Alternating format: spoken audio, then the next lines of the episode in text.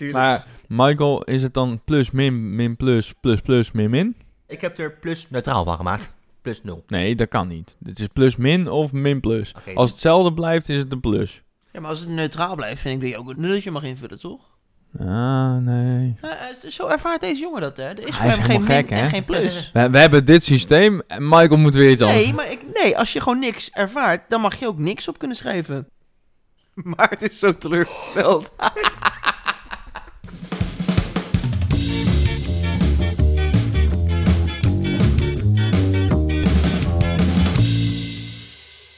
Ja, lieve luisteraars, welkom bij alweer een nieuwe aflevering van de Biervrienden podcast. Seizoen 4, aflevering nummer 10. Jazeker. We zijn in de double digits. Tegenover mij zit biervriend Maarten. Maar zoals we in de vorige aflevering al hebben verklapt, Zitten zijn we tegen- vandaag niet alleen. En zitten tegenover mij zitten er twee mannen. Tom natuurlijk. Maar En- ook Michael! Goedemiddag luisteraars. Ja, leuk Michael dat je weer een eh, verschijning maakt binnen onze podcast. Ja, leuk om er weer eh, bij te zijn. Ja, ik moet zeggen, ik heb er gewoon weer zin in jongens. Lekker met z'n drietjes, biertjes drinken. Ja, Het laat maar gewoon schijnt, komen. Laat het maar is gewoon lente. komen. Ja, Ik wil. Maarten heeft er heel Ja. veel zin in. Nou, mooi. Nou, zoals jullie weten hebben we eigenlijk een vaste volgorde waarin we dingetjes beproeven. Ja, maar Michael is pas een kwartiertje binnen. We hebben net even wat geluncht. En eh nou gaan we... Als we nou een Michael's bier zouden gaan pakken, dan Is het nog niet koud. het maar een kwartiertje Nee. koud. Dus daarom hebben we ervoor gekozen om eerst naar jouw biertje te gaan. Het biervriendenbiertje, Tom. Yes. Vertel. Ja, voordat we dat eigenlijk gaan doen, wil ik nog even met jullie babbelen over bierfestivals. Ja. Want we hebben natuurlijk vorige keer al het lekkerste biertje en het minst lekkere biertje gedaan. Nou, voor Maarten en mij is het eh, een dagje later, dus er is niet heel veel veranderd eh, op dat gebied. Maar ik dacht, we zijn natuurlijk laatst met z'n allen naar het Lentebok Festival geweest. Hoe, eh, wat vonden jullie daarvan? Hebben jullie nog lekkere bieren op? Vertel. Ja, het was, eh, was zeker een eh, leuk festival. Beetje verregend, maar verder genoeg, genoeg leuke bieren op. Ik zat nog te kijken, want ik heb ze volgens mij niet of maar heel beperkt op Untapped gezet. Maar ik kan me nog wel herinneren dat ik dat biertje van de Moersleutel was dat volgens mij. Dat ik die erg lekker vond. En volgens mij vond ik dat ook de lekkerste van de avond. Ja, volgens mij al- wij allemaal wel. En ik dacht ook dat die gewonnen had, toch? Ja, die was volgens mij als een van de lekkerste uit de bus gekomen. dat was een top 3 op een gegeven moment bekendgemaakt. Zal ik eens even Zoiets. kijken of ik hem nog kan vinden? Ja, in onze groepsapp? Maar misschien ook wel een leuk ehm, aanknopingspuntje. Want ik, ik heb het hier volgens mij met jullie ook tijdens het festival over gehad. Je staat natuurlijk lekker met z'n allen gezellig biertjes te drinken. Maar dat untappen, ja, dat neemt toch even wat tijd in beslag. En ik weet nog dat ik er bewust voor heb gekozen om dat dan niet te doen. Maar hoe, wat vinden jullie daar eigenlijk van? Ga je dan toch wel even op untapped met z'n allen of toch niet? Wat, eh, wat vinden jullie? Het ligt er een beetje aan, denk ik, met wie je bent. Want op het bierfestival bij het Lentebok, daar stonden we ook in de regen, hutje mutje. Ja, je, je kan ook niet even lekker een fotootje maken, zeg maar. Dan vind ik het al anders dan als je ergens kan gaan zitten en hem op tafel neerzet, een fotootje schiet en dan eh, hem op een tab pleurt. Want ik ben een week later ben ik naar eh Hop On of Off festival geweest in Breda. En daar deden we met z'n allen wel eh, een tappen. Dus ja, die hele beleving. meer van de setting af. Ja, en die hele beleving die kan ik terugvinden, zeg maar. Ik heb trouwens even gekeken. hè. Ehm, de winnaar van Topbok verkiezing 2023 is inderdaad de Mechanical Spring van de Moersleutel. Dat Ah, was hem, nice. ja. Ja, Mechanical Spring. Nee, verder eens wat, met jij, eh, wat jij net zei, eh, maar het was niet, niet dat ik het echt eh, mis of dat ik denk van het is nu niet goed geweest. Het was inderdaad meer dat ik nog zat te denken van, goh, wat vond ik ook alweer van, van alle bieren? En dat me toen eens opviel van, goh, ik kan hem eigenlijk niet zo snel op Untapped vinden, maar in die situatie kwam dat inderdaad gewoon ja, net wat beter uit om dat niet te doen. Dat is trouwens ook meteen de reden dat in de vorige aflevering, toen zei ik van ja, de bieren in maart, ik had voor mijn gevoel niet zoveel op Untapped gezet. Maar dat kwam ook eh, mede bijvoorbeeld hierdoor, omdat we inderdaad, wat jij zei Maarten, eh, ja, de, de setting was er misschien ook niet, eh, niet goed voor. Desondanks wel gewoon een hele leuke avond gehad, met z'n allen, lekker biertjes drinken. En de biertjes van vandaag, die gaan ook zeker wel op Untapped komen. Jullie kunnen ons nog steeds volgen. Biervrienden podcast op Untapped. Dan kunnen jullie ook nog even nalezen wat wij van de bieren van vandaag hebben gevonden. Ja, het lekkerste biertje op het Hop On Hop Off Festival vond ik eh, een biertje van de Milky Road Brewery. Daar van was onze even, vrienden eh, Ramon en Saskia. Ja, daar ben ik even langs gegaan, even een praatje gemaakt. Super leuke, gezellige, lieve mensen. Maar die hebben dus een Hoppy Weitse, dacht ik. Dat was het biertje van de avond, vond ik. Dat was echt... eh, Genieten. ja, en we vonden hem alle drie ook echt heel lekker. Of Ja, alle met, wie, vier. met wie was je eigenlijk, Maarten? was met eh, drie oud-collega's van mij. Ah, leuk. Leuk, Ja. leuk. De Boogie Wise heet die. Die heeft dus een 3,75 gekregen van mij. Nou, dat klinkt Echt, goed. eh, was echt een lekker biertje. Nou. Nou, ben, nou word ik ook eh, nieuwsgierig. Ja, we hebben hem helaas niet vandaag, maar eh, wie weet een andere keer. We hebben lekker al gebabbeld. Mijn mond is al een beetje droog. Zal ik gewoon het biervriendenbiertje erbij gaan pakken? Klinkt als een plan. Durst. Nou, voordat ik het biertje ga pakken, wil ik er even wat over vertellen. Op de een of andere manier had ik niet gerealiseerd dat ik vandaag het biervriendenbiertje mee moest nemen. Dus ik had tot vanochtend ook nog niks. Nu ben ik gelukkig even snel langs Girard geweest. En daar komt eh, het biertje van vandaag ook vandaan. Eh, ik heb er snel nog even wat over opgezocht. Eh, ook even de Untapped bekeken. Het is uiteindelijk iets van het vijfde biertje geworden die ik had uitgekozen. Want steeds als ik naar Untapped ging, zag ik dat één vriend hem al op had. En eh, die zit toevallig eh, te fluiten nu tegenover ons. Maar ik heb er uiteindelijk gesetteld voor een triple. Eh, ik weet, Michael, jij bent niet zo'n fan van, van de IPA's. Ik voelde er zelf ook niet voor om iets van een stout te gaan drinken. Want het, het wordt toch een beetje lente. Ik wilde toch een beetje een wat lichter biertje kiezen. Toen ben ik eh gesetteld voor een triple. En dat is namelijk de hele lange naam. Uplifting Triple Decker Flying Apparatus van de Strieper Craft Beer Company. Ik heb geprobeerd om even wat op te zoeken over deze brouwerij. Maar hun eigen site is under construction. Gelukkig hebben we nog sites zoals Bierista. We hebben zelfs Biernet die wat over de brouwerij hebben geschreven. Dus met die informatie eh, moeten wij het doen. De Streeper Craft Beer Company is opgericht in juli 2016 door de Valkenswaardenaar Rens van Hout. Momenteel brouwt de Streeper Craft Beer Company batches van 1000 liter bier bij de Weerter Stadsbrouwerij. De missie van de Streeper Craft Beer Company is om het bredere publiek enthousiast te maken over speciaalbier. Dat willen ze doen door een breed assortiment op te zetten en voor elke liefhebber een passend bier te maken. Het grote publiek, zeggen ze, kent eigenlijk nog een beperkt aantal stijlen bier.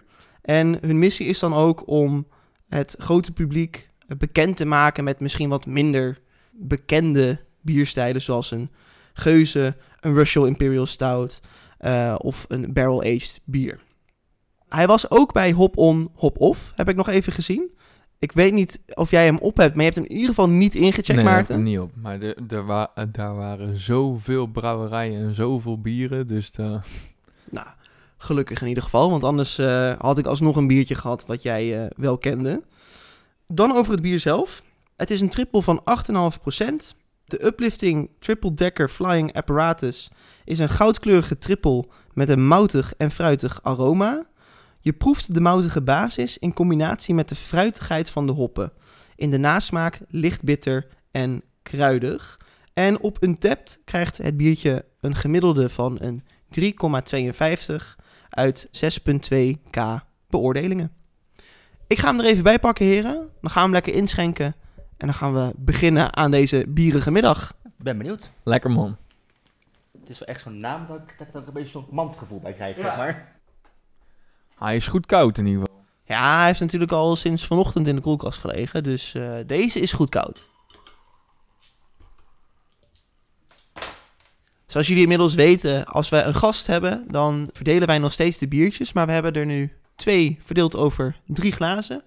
En omdat het mijn biertje is, lijkt het me leuk om jullie als eerste het woord te laten. Eh, en dan gaan we het biertje ontleden. En dan beginnen we altijd bij Michael. Nou, dan beginnen we met het biertje te bekijken. Heel goed. Pak hem erbij en eh, wat zien jullie heren? Bier in een glas. Jeetje. Albert Einstein hoor. nee, ik vind het dus een, eh, een gelig bier met een toch wel een oranje gloed. Ik heb een mooie schuimkraag. Jullie niet? Hey. Ik heb een iets kleinere schuimkraag, maar eh, hij is aanwezig. Hij, bij mij blijft hij mooi op een vingerdik staan. Mooie fijne belletjes. Een beetje relief in de belletjes als je aan de bovenkant kijkt. Zit bezinksel in. Er zit flink wat bezinksel in in mijn Ja. glas. Het borrelt ook nog een beetje omhoog richting eh, ja, de oppervlakte. Ja, het koolzuur is aanwezig. Nou, eh, Michael, gaan we ruiken. En dan mag jij eens vertellen wat je ruikt. Ruikt. Oh. Oh. Ik ben heel benieuwd eh, hoe die gaat smaken, want ik vind hem als ik hem eh reuk niet een heel uitge- uitgesproken smaak hebben. Eigenlijk ja, een beetje wat je van een triple zou verwachten. Dus ja, ik ben benieuwd of ik er wat meer uitgesprokenheid in herken als ik het ga proeven zometeen. Ja, ik vind het dus nog niet zo heel erg lekker ruiken. Ik krijg heel erg appelsap, kinderchampagne geur vibe, zeg maar. Ja, daar kan ik me wel in vinden. Ik heb opgeschreven granig en fruitig. Maar inderdaad wel een beetje wat zuur fruit. Ja, Dus misschien een appel of zo. Maar het granige haal ik er niet uit. Het zou moutig moeten zijn, de geur. Haal ik er niet uit, tot nu toe. Nou, ik weet niet of moutig ook in de geur. Misschien Ja. dat we dat in de smaak gaan... eh, In de geur zei je eh, ook al Nou, jouw dan, eh, dan ben ik het een beetje eens. Dan, dan ruiken we hem niet. Ik zit, ik zit ook een beetje, en dat had ik van tevoren al bedacht, dat had ik tegen jou ook al gezegd, Maarten. Ik twijfelde of dit een leuk, lekker bier zou worden. Maar ik heb hem dus vooral uitgekozen ook op de stijl. En op het feit dat jij hem nog niet op hebt. Mhm. Maar dat mag, vind ik, de pret niet drukken. Nee, en misschien eh, ontdekken we als we hem gaan proeven wel een, eh, ja, iets wat we nu nog helemaal niet, niet eh, merken. En misschien verrast hij ons wel helemaal, jongens. Ja, en ik denk ook wel, want hij is echt koud. Ja, misschien komt er wat meer vrij als hij zo wat warmer is. Ja, Maar voor nu, laten we ouderwets gaan. klinken. En, En drinken. drinken.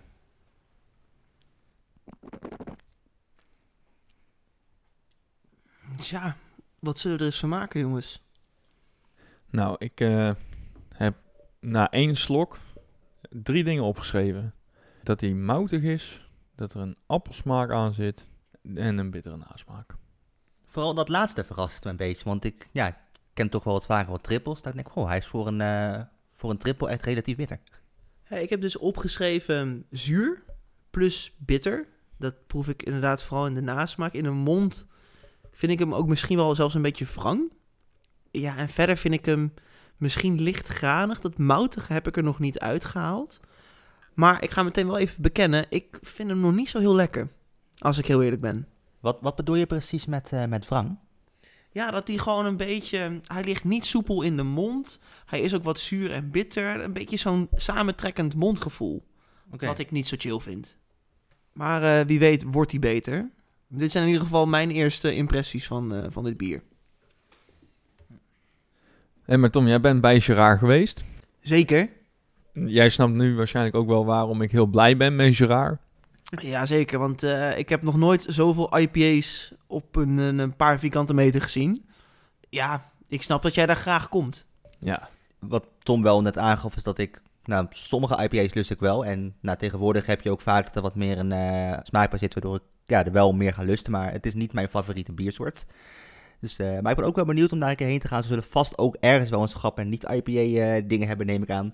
En ja, ik hoor, eh, ik hoor Maarten zo vaak daarover praten dat ik het ook wel een keer wil zien eigenlijk. en ik denk ook dat Michael heel gelukkig kan worden, want er staan zoveel stouts en barley Ja, wines en zo. Zeker. Ja, dat, Barrel-aged dingen, het is echt... dan zit je meer in, eh, in mijn hoek van de lek- wat ik heel lekker bier vind, inderdaad. Ja. ja, we hadden het nog even voordat jij hier was, Michael, daarover. Dat ik zei van, ik heb geen IPA meegenomen, omdat inderdaad, jij houdt er niet zo van. En toen hadden wij toch een beetje het gesprek over van, ja, jij zegt heel, heel vaak van IPA nee. Maar wij denken toch nog wel dat, er, dat we jou eigenlijk wat vaker aan de IPA moeten gaan helpen. Ik had het daar met eh, Maarten ook een keer over. En dat Maarten toen uitlegde dat IPA's dus de afgelopen eh, paar jaren wat meer zijn veranderd. En ja, een veel andere smaak hebben gekregen dan wat ik met de klassieke IPA associeer. Dus het zou kunnen dat ik, ja, langzaam maar zeker, hè, als ik er meer proef, juist met diegene met wat meer smaakje erbij, dat ik een iets positievere associatie bij ga krijgen. Ja, en wat ook wel heel grappig is, is dat wij in heel veel proeverijen van de vriendengroep best wel wat IPA's hebben zitten. Vaak zitten er toch wel een stuk of twee, drie IPA's in. En ik hoor Michael nooit zeggen, het is niet lekker. Nee, nee of, of iets minder, maar niet, ze zijn nooit vies, zeg maar. Nee. Ze zijn nooit eh grootsteenmateriaal. Nee, en in wat Michael wel aangegeven heeft, is dat die, die klassieke, die echt standaard bittere zure IPA, dat dat niet zijn ding is. Eigenlijk ben jij net zoals ik dan. Want ik heb denk ik een redelijk vergelijkbare mening over IPA's. Ik hou ook niet van die te bittere meuk, om het maar even netjes te verwoorden. We gaan gewoon wat vaker IPA's drinken. Zodat gewoon eh, lekker gaan doen. Dat is goed. Ik ben, eh, ben heel benieuwd of ik dan inderdaad meer lekkere IPA's eh, ga, ga proeven. Al denk ik wel dat Michael iets meer op het IPA-spectrum lekker vindt. Want die chemische blikkerige smaak die jij er nog wel eens aan vindt zitten, Tom, daar, volgens mij vindt Michael dat niet zo heel erg. Die paar keer dat ik met hem IPA's heb gedronken, was dat niet iets waar hij op afknapte. Dus het is inderdaad vooral het overheersende bittere wat ik heel erg eh, met IPA associeerde en nou, misschien een beetje onterecht ga associëren. Nou, dan gaan jullie gewoon met z'n tweeën lekker IPA's drinken. Dan ga ik lekker toekijken. Dat kan ook Ja. natuurlijk, hè? Maar ehm, even terug naar de uplifting flying apparatus triple decker double eh, fun. Mand? We hebben nu wat meer slokjes op. Hebben jullie al een ehm, smaak revelation gehad? Heb je dingen ervaren die het bier anders maken? Ik ben wel, eh, wel benieuwd. Ik vind hem langzaam iets lekkerder worden. Of vind ik het niet het allerlekkerste bier, maar ik had in het begin dat ik die bitterheid dus heel erg vond overheersen. En ik heb het idee dat als die smaak er eenmaal is en je blijft drinken, dat dat net wat meer wegzakt en daarom ja, wat minder overheersend wordt. Ja, waar ik dan de vraag bij heb, ben je dan veel aan het drinken waardoor je minder de nasmaak ervaart omdat je continu aan het drinken bent? Of ga je meer wennen aan het bittere? Ja, ik denk dat je er gewoon aan went dat de, de eerste slok is oh, het is ineens wel een heftige nasmaak. En op een gegeven moment zit hij erin en dan, ja, dan valt hij ook wat minder op, denk ik. Ik heb een beetje wat vergelijkbaars. Ik vind hem namelijk ook wel beter worden. En dat zure wrangen, wat ik, eh, en dat bittere, wat ik net zei, daar kan ik wat beter ehm, mee dealen. Dus hij settelt een beetje voor mij. Dat vind ik een mooie omschrijving, dat hij eh settelt. Ja, voor mij verandert die ook wel, maar juist niet zo positief. Dat, Dat, dat, is altijd één zure appel moeten Ja, we tussen hebben. hè? nee, dat, dat moutige, dat haal ik er eigenlijk niet meer uit. Er zit, ja, ik weet, eh, ik weet niet echt of het iets kruidigs is of zo, maar er zit een heel raar smaakje nog in het bier. En verder inderdaad wel nog een beetje die appel en die, die bittere nasmaak vind ik gewoon echt best wel heftig voor een trippel. Ik haal ook weinig van het granige eruit, wat ik jammer vind. Ja, in een trippel wil je toch altijd wel iets van, van graan of mout of iets in die richting merken. En dat heb ik gewoon niet bij deze trippel. Ik vind het altijd wel grappig, van dat we in- inderdaad in het begin nou, redelijk op dezelfde lijn zitten allemaal. En dan komen we allemaal tot de conclusie, nou, hij verandert. En wat twee betreft ten goede en wat één betreft ten slechte. Dat vind ik wel weer grappig. Dat is mooi toch eigenlijk, hoe, hoe dat zo anders toch, hoe smaak toch zo subjectief kan zijn. Mannen, ehm, we hebben de biertjes nog niet op. Maar ik ga toch even vast een kleine vinger aan de pils nemen. Om te checken of jullie misschien al klaar zijn voor een beoordeling. Of dat jullie nog even willen proeven. Hoe ver zijn jullie? Dat is eigenlijk mijn vraag. Ja, ik denk, ik heb nog een paar slokken over inderdaad. Ik denk niet dat hij nog heel erg gaat veranderen nu. Dan ehm, ben ik wel benieuwd wat je van de Uplifting Triple Decker Flying Apparatus van de Strieper Craft Beer Company vindt. Michael. Nou, ik vind hem uiteindelijk ehm, dus iets beter geworden dan dat ik aan het begin zei. Hij komt bij mij niet heel veel hoger dan, ja, wel oké. Van in het begin dacht ik van, nou, niet helemaal. Toen ging ik er wat meer van drinken. Toen dacht ik, nou, die bitterheid valt wel mee. Inderdaad wel een moutigheid, maar echt een, ja, een heel positieve smaak. Of echt dat ik denk, wauw, wat een lekker bier. Dat heb ik er niet bij. Eh, nou, ik dacht in eerste instantie eh, dat ik hem 5 en op een 5,5 zou geven. Nou kom ik toch iets hoger uit. Ik, ik hou het op een, eh, op een eh, 6 plus. 6 plus, dus dat is een 6.3. Zoiets, ja. Oké. Ja, ik eh, vond hem best veelbelovend in de eerste slok. En ik vind hem alleen maar minder worden. Voor mij blijft die, die ap- zure appelsmaak heel erg hangen. En die, die, die bitterheid.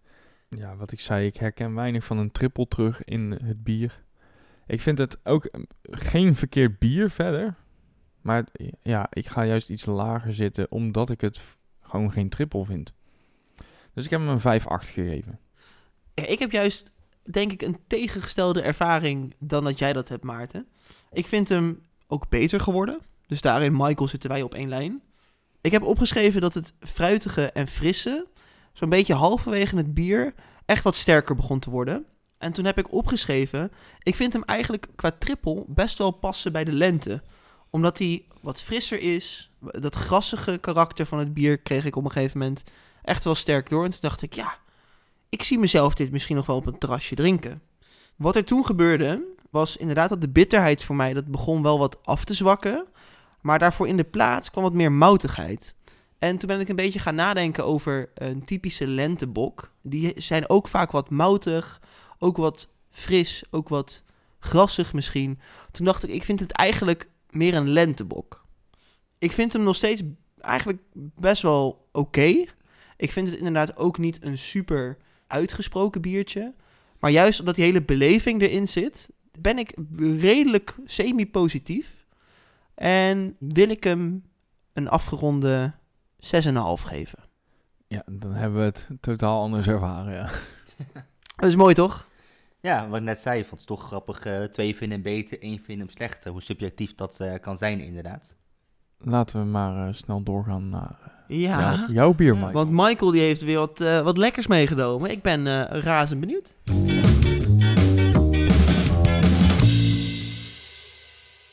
Ik heb een biertje meegenomen waarvan de brouwerij al wel bekend is, maar de bier, het bier zelf, als het goed is, eh, niet. Althans, niemand heeft hem ingecheckt. Nou, zoals Maarten en Tom vast wel verteld hebben, zijn we allemaal in eh Culemborg eh, opgegroeid en daarna met z'n allen een beetje over Nederland verspreid geraakt. Ik zelf woon nu in, in Nijmegen. Ook wel eens een keer bij proeverijen, podcasten en dergelijke Nijmeegse bieren meegenomen. Maar ik denk, ja, de Nijmeegse en Groesbeekse biertjes zijn we er een beetje uit. Nu was ik afgelopen donderdag in Geldermalsen, eigenlijk vlakbij waar ik opgegroeid ben in Culemborg. En op de markt in Geldermalsen zit een, eh, een tentje genaamd de Streekwinkel. En daar is allemaal bier uit de regio rondom Geldermalsen. Nice. Oh, daar komt de tas. Het is een blije baron. En de blije baron is een dubbel biertje van heerlijkheid Marienwaard. Kwam handig uit, want ja, ik werk dus in Geldermalsen. Nou, ik kom ook een paar keer per week op kantoor, dus ja... Dat heb ik mooi gecombineerd met het halen van deze biertjes bij de streekwinkel. En ik ben heel benieuwd hoe ze gaan bevallen. Heb je nog wat opgezocht over de smaak verder? Of, over de, of wordt het gewoon een grote verrassing? Nee, ik moet bekennen dat jij wat dat betreft iets beter voorbereid was. Nou, hé, maar dat mag de blijheid van deze baron niet eh, drukken. En wat ik ook zie, en daar word ik heel vrolijk van, ik zie gewoon drie flesjes. Ja, Hoppakee! het, eh, ergens is dat in de communicatie niet helemaal goed gegaan. Het was blijkbaar de bedoeling dat ik er twee meenam. Alleen die memo heb ik even gemist. Dus nu Hij- hebben we er drie. Li- liever, liever, liever drie dan één. Precies. Nou, dan hebben we allemaal een eigen flesje, heren. Ik zeg, ehm Michael, tjoep ze open. tjoep ze open. Nou, ik zie nog wel een eh, beschrijving staan op de achtergrond. Dus ik zal toch iets eh, vertellen over wat we zouden moeten gaan eh, proeven. Het is een, een dubbelbier met geuren van donker fruit en gebrande mout. En de aandronk zou fruitig en karamel moeten zijn. En de afdronk juist hout en hoppig. Het is dus een biertje van de heerlijkheid Marienwaard in Beest. Eigenlijk vlakbij Geldermalsen en Culemborg. En deze brouwerij is in 1129 gesticht en wordt op dit moment gerund door Frans en Nathalie van Verschuur. Oké, dus we gaan een ehm, donker, fruitig, moutig, Hout. houtig, Karamel. stoutig biertje drinken. Hey jongens, we hebben hem allemaal ingeschonken. Tom, Ja. wat, eh, wat zie je? Nou, laten we beginnen met eh, de kleur. Die is bruin tot wel echt robijnrood. Als je hem in het licht houdt, zie je onder in je glas dat die rode gloed er mooi in zit. Hij is ook redelijk troebel. Er zit een mooi, net iets bruiner dan wit schuimkraagje op. Het heeft voor mij alles wat een lekkere dubbel zou moeten hebben. Ja, eigenlijk dezelfde indruk. Inderdaad wel grappig hoe je dit bier houdt, dat vooral de onderkant, het verschil tussen eh, bruin en echt behoorlijk fel rood wordt inderdaad, als je het licht houdt. Ja, meestal wat je zegt is eigenlijk de conclusie. Ja, laten we maar gaan eh, ruiken dan. Gaan we doen. Gaat het? Ja, ik dipte mijn neus oorspronkelijk in. dat ging niet goed. Het eerste wat mij opviel is dat hij best wel moutig is. Nou, ik heb het wel goed opgeschreven, Tom. Eh, Ik schreef eh, mout, zout in plaats van mout, zoet. Maar goed. Ja, er zit inderdaad een beetje iets van een zoetje in. En verder haalde ik er een eh, gebrande slash gerookte geur uit. En ik denk dat dat gewoon de gebrande mout is. En het leek ook wel ergens een beetje een soort houtgeur aan te zitten. Het is grappig dat je dat opschrijft. Ik heb inderdaad ook opgeschreven dat hij eh, wat zoetiger was. En ik heb ook het woord bosachtig opgeschreven. En dat is, zullen jullie luisteraars denken, dat is geen, dat is geen smaak of een geur, bosachtig. Maar inderdaad een beetje de associatie alsof je door een, een bos loopt, had ik. En dat heeft misschien ook met dat hout te maken. Oh, dat vind ik leuk dat jullie dat zeggen, want ik had dat niet zo opgemerkt. Ik moet wel zeggen, ik heb een woord opgeschreven en ik denk dat ik heel erg ben beïnvloed door dat ik weet wat Marie waard is. En omdat ik daar heel vaak een bepaald jammetje kocht. Ik heb dus opgeschreven rozenbottel. Echt een beetje wat roder fruit. En uh, dus dat hele moeilijke woord mout zoet. Maar nu jullie het zo hebben over wat, wat bossig en wat meer hout, kan ik me daar ook wel in vinden. Dus die wil ik er ook nog uh, aan toevoegen. Oké, laten we dan uh, maar ouderwets gaan klinken. Klinken. En, en drinken. drinken.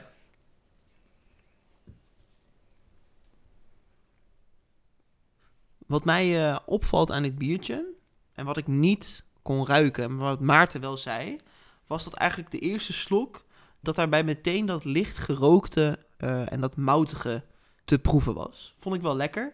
Ik heb inmiddels denk ik een paar slokjes op. En waar ik nu een beetje op zit, is dat ik hem toch wel wat aan de waterige kant vind. En dat heel veel van de smaken die wij net hebben benoemd, weet je, die houtkarakter, ik heb rozenbottel gezegd, uh, licht gerookt, dat zit er allemaal in. Maar al die smaken zijn een beetje, ja, voor mijn gevoel, onderontwikkeld. En ik heb ook opgeschreven dat ik hem denk ik lekkerder zou vinden als bijvoorbeeld een van die smaken wat meer terug zou komen. Als hij bijvoorbeeld wat houteriger was of wat rokeriger. Ben benieuwd of ik dat misschien in de ontwikkeling verder nog kan bespeuren. Maar voor nu vind ik hem prima. Maar er zit te veel in en het is allemaal net te matig aanwezig of zo. Ja, aan de ene kant herken ik mij daar wel in. Wat ik eerst had opgeschreven bij de eerste slok is veel koolzuur. Dat ik bijna niks proefde. En dat de aftronk bitter was. Toen ben ik wat rustiger gaan proeven, kleinere slok. Daarin kwam het licht gebrande uh, en de moutigheid naar voren. De moutigheid blijft wel, de lichtgebrandheid die zwakt wel af, vind ik. En daarnaast heb ik opgeschreven slap. Dat ik hem heel zwak en slap qua smaak vind in de mond. De bittere aftronk blijft wel een beetje. Oké, uh, nou ja, dat, uh, dat moutig inderdaad, dat dat erin zit, dat herken ik wel. Ja, en ik zat er een beetje mee, want hij is inderdaad niet heel sterk qua smaak. En tegelijkertijd heb ik het idee, ik ben benieuwd hoe jullie erover nadenken, dat dat uh, bij een dubbel, andere dubbels die ik ken toch wel vaker is, dat dat ja, ondanks de wat donkere kleur toch wat ja, lichte biertjes zijn waar een wat frissere aftronk in zit en geen hele heftige smaken. Dus proefde inderdaad wel dat er een wat lichte smaak in zit. Maar tegelijkertijd associeerde ik dat zelf juist als iets wat je bij een dubbel wat vaker tegenkomt. Niet per se als dat die te slap was. Nou, volgens mij hebben wij het hier gisteren nog over gehad, Maarten, over dubbels. Dat ze of vaak veel te waterig zijn, of dat één van de smaken te erg overheerst. Ja, dat, is, dat idee heb ik wel vaak met dubbels. En ik moet wel zeggen dat de dubbels die wat zoeter zijn, of in ieder geval waar het zoete gedeelte er wat meer naar voren komt. Hè, we hadden het over die gedroogde fruit uh, op dat moment.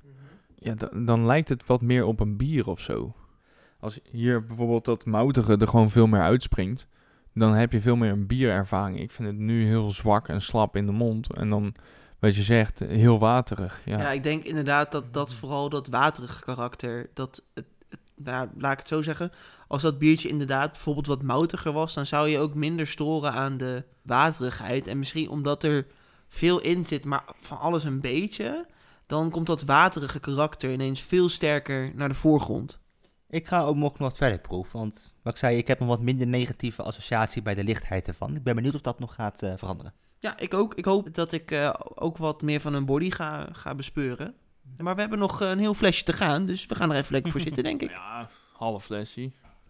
Maar daar ben ik wel benieuwd, jongens. We drinken natuurlijk nu een biertje van uh, Marie Waard. We zijn daar op Vriendenweekend vorig jaar nog geweest. Zeker. En ik zei net meteen, die rozenbottel, dat was nou, mijn go-to product. Daar was die rozenbottelsham. Och, fantastisch. Hebben jullie ook een uh, bepaalde associatie als je aan dat streekwinkeltje denkt? Nee, niet echt. Maar dat komt denk ik omdat wij daar niet zo heel vaak kwamen vanuit buren toen ik klein was, woonden we nog in Buren. En dan gingen we gewoon vaak wandelen daar. En dat was het. En verder was het nog wel eens met een verjaardag van opa of oma of zo, dat we daar in, in de bistro gingen eten of bij het pannenkoekenrestaurant, zeg maar. Maar dat is het dan ook. Dat is inderdaad. Ik associeer, ik associeer het woord Marienwaard met pannenkoeken. Eh, Hebben ze daar pannenkoeken? Ja, je, daar je, hebben kan, je kan pannenkoeken eten. Echt? Oh, Ja. dat heb ik dan echt nog nooit gedaan in Da- mijn da- leven. da- daar ben ik wel een paar keer geweest. Maar nu begin ik ook, nou, met nu en de vorige keer dat we deze brouwerij op hadden, meer die associatie tussen Marienwaard en bier te maken. Maar oorspronkelijk heb ik de associatie met pannenkoeken als je Marienwaard zegt. Lieve vrienden, we hebben inmiddels een flinke tijd gezeten met ons biertje. We hebben gepraat, gelachen, meegeleefd met elkaar. Maar ik zie dat de glazen toch al redelijk leeg beginnen te raken. We hebben van tevoren gezegd, gaat die nog veranderen? Ik denk dat we allemaal wel iets hebben ervaren. Maar ik eh, wil het graag uit jullie eh, eigen mond horen, dus vertel. De blije baron. Tovert hij een glimlach op ons gezicht? Of eh, niet? Maarten. Ja, waar hij in het begin heel veel koolzuur had, dat hij wat slap was en dat de afdronk behoorlijk bitter was, vind ik hem wel wat veranderd. De lichte gebrande moutige smaak komt wel veel meer naar voren. Ik vind hem minder slap, al drinkt hij nog wel echt heel makkelijk weg, omdat hij gewoon niet zo dik is als bier, zeg maar. Er komt ook ergens een soort van zurige smaak terug. En ik weet niet of dat het, het- het bittere zeg maar versterkt. Of dat het gewoon het bittere iets meer is of zo. Maar ja, ik word daar niet zo heel blij van. Maar ik word er dus wel blij van dat hij wat minder waterig is. Ik heb ook op flesje gekeken. Daarin zou er wat hoppigs moeten zijn. Nou, dat kan het bittere zijn. Maar van fruit merk ik vrij weinig.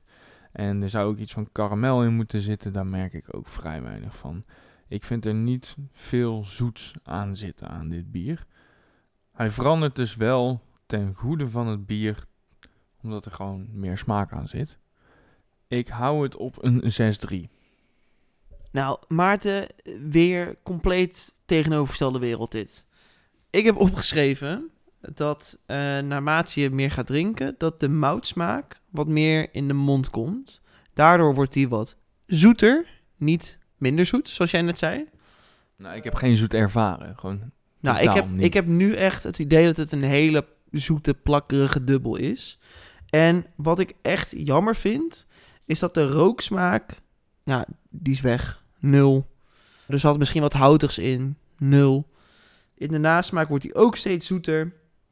En ik heb opgeschreven dat het echt een moutig biertje is, maar dat ik hem echt heel saai vind. Ik vind hem niet zuur. Ik kan me ook totaal niet vinden in die hoppigheid die erin zou moeten zitten. Ja, misschien wat bitter, maar dat heb ik dan alleen in het begin mogen ervaren.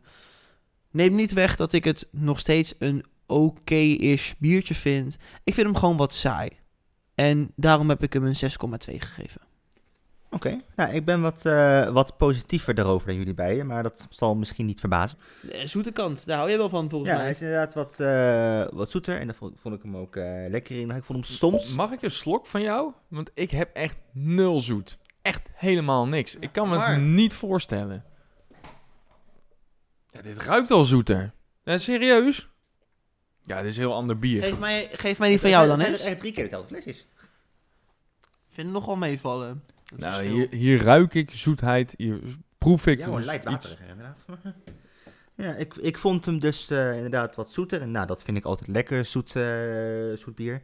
Ik vond hem soms ook wel wat bitter. Dat ik denk, nou, dat de balans tussen bitter en zoet, vond ik soms denk, nou, die is, soms wijt hij een beetje af. Maar over het algemeen vond ik het een prima biertje. Hij is inderdaad qua smaak niet heel sterk. Maar ja, wat ik in het begin ook zei, ik associeer dat juist een beetje met een dubbel. Van dat er wel een lekkere smaak in zit, maar geen extreem sterke smaak. Ja, ik vond het eigenlijk wel een prima biertje. Natuurlijk, ik heb ook wel eens lekkerdere bieren op, maar gewoon een prima biertje. En ja, eigenlijk een stuk positiever dan jullie dat ik er een 7 aan geef. Nou, helemaal prima, toch? Misschien hebben we net een andere ervaring gehad op basis van het inschenken van het bier. Maar ik snap helemaal dat jij er een 7 aan geeft. En ik snap ook wel echt dat je de, een, een hoger cijfer geeft als er die zoete smaak erin zit. Want ja, bij mij is het dus heel saai en ruikt hij ook saai en slap en ja, heel bijzonder weer. He- ja, weer Ja, hele, he- verschillende bieren in hetzelfde flesje. ja, hele beleving weer.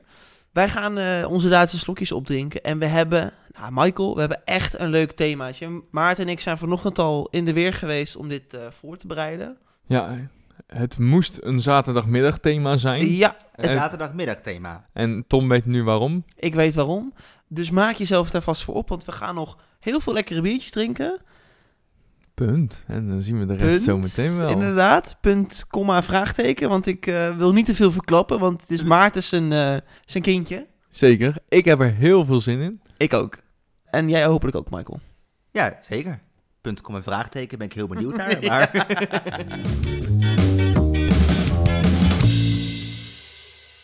Nou jongens, het thema. Tom en ik hebben vanmorgen al in de keuken gestaan. Want wat gaan we doen? We gaan pannenkoeken en bier matchen. Pannenkoeken met bier! pannenkoeken en bier. Ja. Ja! Interessant, ik ben heel benieuwd. Nou, ik ga wat vertellen over bier en, eh, en pannenkoeken matchen. Waarom dat zo'n leuke en goede match is. En dan heb ik zo meteen vier bieren en vier verschillende soorten pannenkoeken. En krijgt iedereen dus twee derde biertje. Om te gaan kijken, ja, wat matcht nou het beste.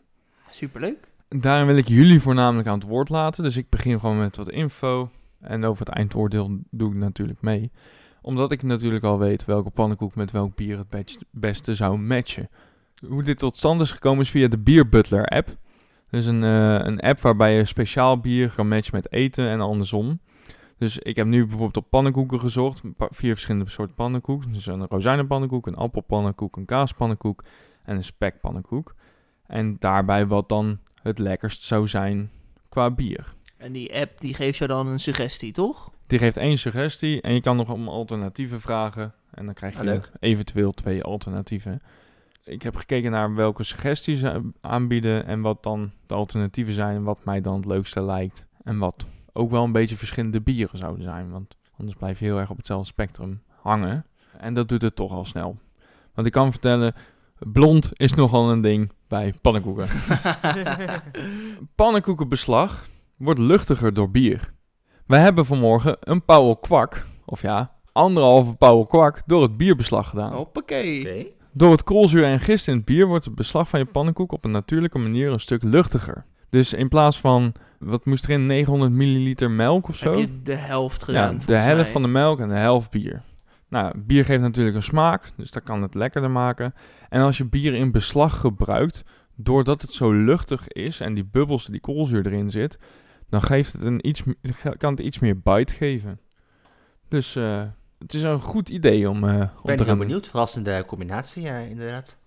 We hebben eigenlijk al pannenkoeken met het bierbeslag op. Ja, want de pannenkoeken die wij vanmiddag hebben geluncht, Michael, daar staat ook gewoon al lekker dat Paul kwakkie doorheen. Ik heb het oprecht niet gemerkt. Ja, bij, eh, bij bier en bij food pairing zijn een aantal dingen eh, belangrijk. Hè, de, de intensiteit van het eten en het bier moet in balans zijn. Ga niet een subtiel biertje drinken en waarbij je een stoofpot maakt met heftige smaken erin, zeg maar. Ja, dan valt het bier volledig weg. Dus als je iets sterks pakt als bier, pak dan ook iets sterks om te eten en andersom. Pannenkoek is best wel een vrij neutrale, ru- rustige smaak, zeg maar. Vandaar dat blond bier waarschijnlijk ook goed matcht. Dingen die voor de intensiteit van belangrijk zijn bij bier is natuurlijk het alcoholpercentage, de hoeveelheid aanwezigheid van de verschillende basissmaken, hè, dus zoet, zuur, bitter, zout en umami. En andere smaken als rokerigheid, fruitigheid en kruidigheid zijn ook heel erg van belang op de intensiteit van bier. En verder is koolzuur en daarbij het mondgevoel, dus ook als iets heel erg viscoos is of heel erg plakkerig en dik, belangrijk onderdeel van de intensiteit of de intensiteitservaring van bier. Ooit met, eh, ja, hebben wij ook zo'n iets gedaan in een eh, winkeltje, dat we bier met kaas gingen combineren. Ja, bij de bierverteller toen. Ja. ja. Jullie nu zoiets gekregen dat we echt, ja, of wat het beste past en of we ook verschillen tussen ons gaan krijgen met hoe we dat ervaren. En ik ben ook benieuwd of we zeg maar de vooraf bedachte combinaties die die Bierbutler app jou Ja. gaf, in hoeverre wij daar totaal overheen gaan. Want ik kan herinneren uit het eerste seizoen, die bier- en spijs match. Ja, toen hadden wij ook alle eh, voorbedachte matches, nou, allemaal gewoon verkeerd gelinkt aan elkaar. Dus daar ben ik ook vooral wel eh, nieuwsgierig naar. Ja, en ook ga je op zoek naar basissmaken. Hè? Want sommige basissmaken in bepaald eten zorgt er weer voor dat dat goed matcht met het bier en andersom. denk je hierbij aan zoetheid. Hè? Zoetheid in bier komt voornamelijk voor uit eh, moutsoorten, suikers, geroosterde mouten, karamelervaring. En dat wordt best wel veel ingezet bij food pairing, omdat het vaak een balans geeft aan pittige en zure gerechten. Nou, bitterheid is voornamelijk hop, hè? denk aan de IPA. Of geroosterde mout, denk aan een porter en een stout. Die zijn wat lastiger te combineren. Er zijn heel veel mooie combinaties. Denk hierbij voornamelijk aan vet en eiwitrijk eten. En pas op met pittig eten, omdat het elkaar dus juist kan versterken. Nou, zuur. Een bier kan natuurlijk op verschillende manieren zuur zijn. Denk aan de sour. vorige keer flink mogen ervaren. Ja, maar eh, tarwe kan ook een licht zurige smaak hebben. Wat je misschien uit witbieren en weizens wel herkent. Het kan voornamelijk zorgen voor begeleiding van wat simpeler eten, zoals een, een salade met een zurige dressing. Dus dat moet je wel vaak aan elkaar linken eh, om er niet voor te zorgen dat het echt heel heftig wordt. Nou, zout. Daar komt meestal omdat er zout of ziltig water is gebruikt. Eh, in de gozen, de, ook weer zo'n zuurvariant, is er echt wel een voorbeeld van. En het werkt voornamelijk als smaakversterker voor zoet. Denk aan eh, chocola of karamel. En het tempert dus bitterheid. En dan heb je nog Maillard en karamel. En de Maillard-reactie, die ken je misschien niet qua naam. Maar dat is als een vlees mooi bruin kleurt als je hem in de pan bakt. En dat komt door een reactie van koolhydraten en, en aminozuren, dus eiwit. En dat is ook wel een beetje wat je ziet als je suiker in karamel verandert. En dan wordt dus ook bruin. Dit kan dus ook bij, bij het mouten voorkomen, hè, het roosteren van mout. Daarom past een goed stuk vlees vaak wel bij een donkerder bier. En verder zoek naar smaakhaakjes. Dus dingen die in een bier voorkomen, dat dat ook in het eten voorkomt. En eh, al komt het licht voor in een bier, zorg dan ook dat er ergens licht in het eten voorkomt. En zorg dat dat wel in balans is. Dus eh, met die invalshoek wil ik gaan kijken naar ja, hoe, gaat, eh, hoe gaan de pannenkoeken met het bier matchen. En dan ben ik heel benieuwd, welke bieren heb je dan geselecteerd op basis van die vier verschillende soorten pannenkoeken? Want we hebben natuurlijk de spekpannenkoek, de kaaspannenkoek, de appelpannenkoek en de rozijnpannenkoek. Ja, wat heb jij uitgezocht, Maarten? Ja, ik heb hem dus wel echt gematcht via die Beer Butler app. Dus ik ben ook benieuwd of dat een beetje een betrouwbare app is. Ik heb wel een biertje verraden. Ja, ik had het toch goed, de barbar. Ja, ik hoorde het wel ik goed. zei het niet. Ik heb het echt niet gezegd, want ik zei echt zwaar bier. Maar jij maakte de barbaar van. Nou, En die zit ertussen. Eh, wat natuurlijk een eh honingblond bier is. Nou, een andere eh, welbekende is de afliggend blond. ik heb er nooit van gehoord. Hebben we nog een zwaar kruidig blondje, de Delirium Tremens. Die heb Lekker. ik eergisteren nog op. En dan hebben we nog een biertje. En ik denk dat Michael hier niet heel gelukkig van wordt. En juist, wij hebben het hier ook over gehad. Vanochtend, ja. Ja. Ja. En we, ik heb hier heel bewust voor gekozen, omdat je juist dingen moet gaan herkennen in het bier en juist moet gaan herkennen in de pannenkoek om te kijken of het matcht. Dus dat je bewuster je IPA gaat proeven. Het is de IPA van de molen Vuur en Vlam. We gaan dus gewoon het bier op volgorde en ja, barbaar bier 1, barbaar, eh, ik bedoel barbaar pannenkoek 1, barbaar pannenkoek 2 en zo op die volgorde door. Ja, en dan hebben we dat eh, vier keer gedaan. Dan gaan we naar de afliggend blond, dan naar de delirium tremens, dan naar de vuur en vlam. En dan, dan hebben we eigenlijk vrij spel, zeg maar. Ja. Pak je schriftje erbij en ga ook voornamelijk opschrijven waarom je vindt dat iets wel matcht of niet. En wat ik eigenlijk ook wel wil, is dat wij, zoals bij die proeverij toen, in de bierverteller, je hebt een plus- en een min systeem. Je hebt een plusje als iets lekkerder wordt of gelijk blijft een minnetje als iets minder wordt. En je hebt dus het bier en de pannenkoek. Dus je kan een min geven dat het bier slechter gaat smaken en de pannenkoek slechter. Dan heb je min-min. Als een pannenkoek beter gaat smaken of gelijk blijft en het bier gaat slechter smaken, dan heb je dus plus-min of min-plus als het andersom is. En als het allebei lekkerder wordt, heb je plus-plus. Ik heb een, eh, een heel schemaatje opgesteld door Maart. Ik ben er klaar voor. Zullen we eerst eens een lekker slokje barbar gaan nemen? Om even die Jazeker. basissmaak eh, te pakken. Dan zeg ik... ehm, Klinken jongens. is meer tikken en slikken dit. En, en drinken. Ja, helaas. Ja, je weet, ik hou niet van de honing in bier. Ik proef hem niet zo erg, de honing, Wel. moet ik zeggen. Nou, licht. En jongens, neem een, eh, een stukje pannenkoek. Met appel. Tom, hmm, zeg je. Op een volgens mij positieve manier. Ja, op een, een gekke manier. Ik zei net dat ik hem, eh, de honing bijvoorbeeld niet heel erg proefde. Ik had het idee dat hij ook wat bitterder was. Maar de combinatie met de appelpannenkoek maakte hem voor mij wat zoeter. Ik ben het eens met wat Tom zei over het eh, bier. Dus in het bier zit wat meer proeft. Tegelijkertijd was de pannenkoek juist voor mij dat ik denk van... Ja, heel neutraal eigenlijk. Niet echt de smaak die ik er dan in vind. Dus meer, misschien dat je zou zeggen het effect op de, pannen, op de pannenkoek is moi. Maar het effect op het bier daarna weer is wel weer beter. Min plus is dat volgens mij in jouw woorden. Ja, voor mij, wat ik heel erg merk, is de, dat het- het smaakhaakje eh, zoet heel erg mooi matcht. Het zoete van de appel met het zoete van het bier. En daarin lijkt de honingsmaak wat minder te worden, waardoor die voor mij prettiger wordt, het bier.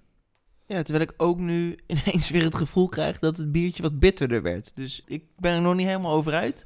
Je zou voor de grap ook eens nu een slok weer los moeten nemen. Ja, heb ik al op gedaan. Zijn jullie klaar voor de rozijnenpannenkoek dan? Yes! Ik ben benieuwd hoe jullie dit ervaren. Want ik, ik vind de smaak van het bier op de pannenkoek in deze vrij neutraal. Ik had wel het gevoel dat toen ik daarna ook weer het, bier in mijn mond nam... dat het ergens een soort van prikkelde of veel uitgesprokener was. Ik weet niet of jullie ook zoiets herkennen.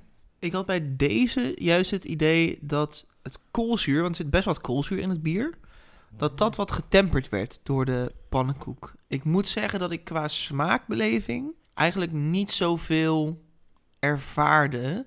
En als ik al iets ervaarde, dan was het eigenlijk een beetje hetzelfde als wat ik met de appel had. En ik weet niet of dat komt omdat natuurlijk rozijn en appel zijn twee best wel zoete eigenschappen. Maar ik had bij deze idee dat de koolzuur wat minder werd. Ja, wat ik heel erg merk is dat eh, eh, het koolzuur inderdaad ook minder werd. En dat voor mij de rozijnensmaak uit de pannenkoek bijna volledig verdween. Dat is jammer, want dan ben je gewoon naturel pannenkoek aan het eten, zeg maar. En wa- waarin die barbaar voor mij bij de appel, zeg maar, een soort haakje was, heb ik nou het idee dat het juist minder wordt. Zo grappig, want ik had het juist wat andersom als het maar zegt. Dat ik juist bij die appel het idee dat dat bier de smaak van de pannenkoek heel erg wegnam. Terwijl ook dat er hier juist wat meer van meevallen. Zijn we klaar voor Ik een ben klaar voor een, hippie eh, en een kaasie? Een kasie. Er gebeurde bij mij meer dan eh, bij de twee voorgaande pannenkoekjes. Ik had het idee dat eh, het hoppige karakter en de frisheid van het bier veel sterker naar voren kwamen door de kaaspannenkoek. En dat juist de zoete kant wat minder werd. Ik dacht eerst dat ik de kaassmaak van de pannenkoek ook wat sterker vond. Maar ik heb toen nog een hapje kaaspannenkoek genomen zonder bier. Daar gebeurde niet zoveel mee. Hij werd voor mij juist misschien wat hoppiger, het bier. Ik vond het niet zo'n heel geslaagde combinatie helaas. Wat ik vooral merkte is toen die kaas een beetje in, mijn mond zat en ik nam nog een slok bier achteraan. Dat dat bier, ik, ik vind het lastig om te omschrijven wat precies, maar dat bier ineens heel heftig in mijn mond was op een manier dat ik denk, maar dit is niet prettig.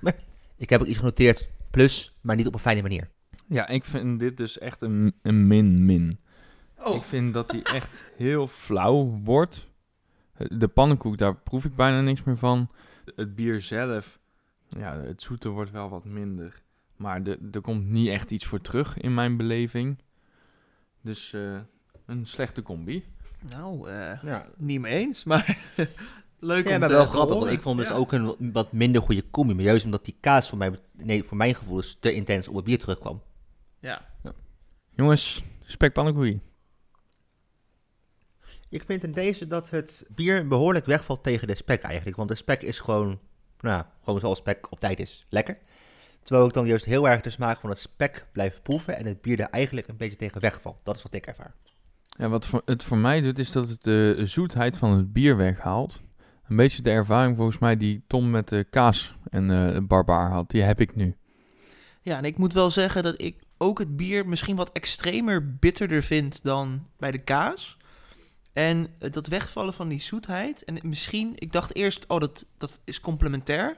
Maar eigenlijk door wat jij net zei, Michael, denk ik dat die spekzoetheid wat overheerst. Dus in de nasmaak dacht ik, oh, die zoetheden van de bieren blenden. Maar ik kan me ook wel ergens vinden in wat jij zei van, ja, hij valt een beetje weg. Dus ik vind het niet echt een min en niet echt een plus. Want ik vind het bier wel bitterder. Maar ik vind ook dat die spek heel erg overheerst. Dus je ne sais pas, om het even op zijn Vlaams uit te drukken. Oké, guys, we hebben een oordeel geveld. Michael, als ik jou een top 4 moet vragen, jij kan een top 3 vragen. Of ja, ik zou nee, gewoon eentje doen. ja, eh, degene wat je het, het lekkerste vindt matchen en degene die het minst vindt Ja. matchen. Nou, ik vond eh, bij de rozijn dat het effect van eh, het bier op de pannenkoek neutraal was, maar dat de pannenkoek vervolgens wel het bier best positief beïnvloedde. Dus dat werkte voor mij goed. En ik vond in deze dan de kaas de minste combinatie, omdat de pannenkoek wel een effect had op het bier, maar voor mij een, een heel negatief effect, waardoor het bier eigenlijk niet meer lekker smaakte in combinatie met die kaas. Nou Tom, vertel. Ik zie hem Ja. nee schudden. Ja, nee, ik heb het precies andersom. Ik vond juist bij de rozijnpannenkoek dat er niet zo heel veel gebeurde. Ik heb opgeschreven dat het bier, wat volgens mij best wel rijk in koolzuur is, door die rozijn echt minder werd. En ja, in de smaak gebeurde er voor mij niet zoveel. En ik vond juist bij de kaaspannenkoek dat het bier echt wat frisser werd en wat bitterder. Ik geef toe dat die zoetheid daardoor wat wegging. Maar ja, qua wat er met het bier gebeurde, denk ik dat hier dat versterkende effect het grootst was. En ja, de kaaspannenkoek aan zich vond ik ook niet heftiger worden. En ik denk dat dat voornamelijk eh, het verschil heeft gemaakt waarom ik de kaas op één zet en niet de spek. Omdat ik bij die spekpannenkoek echt het gevoel had dat die zoetheid van de spek heel erg ging overheersen. Dus ik heb juist als minste pannenkoek de rozijn en als lekkerste de kaaspannenkoek. Ik heb eh, twee keer een, plus en een min. En één keer een min en min. En één keer een plus en plus. De min en min is bij mij voor de kaaspannenkoek. Omdat die daar dus heel erg flauw wordt. En die bittere kant waar jij het over hebt, zeg maar, die, die ervaar ik niet. Dus het is voor mij gewoon beide heel erg saai. En ik merk gewoon bijna niks meer van de kaas. De plus plus heb ik gegeven aan de appel. Omdat daar dat smaakhaakje zit, zeg maar, van die zoetheid. En dat lijkt gewoon iets heel moois te doen. Waardoor je en de pannenkoek met appel blijft proeven en de barbaar als bier zijnde goed blijft proeven. Bij de rest vind ik allemaal dat er of het bier of de pannenkoek wegvalt. We zouden het echt niet meer oneens kunnen zijn. Prachtig. Laten we doorgaan. Hey, dan gaan we naar de afvliegende blond. Neem even een slok, geniet er even van. Dan gaan we zo meteen naar de appelpannenkoek. Nou mannen, cheers. Oeh, dit is een veel rijkere blond meteen. Ja. Hier hou ik wel meer van hoor.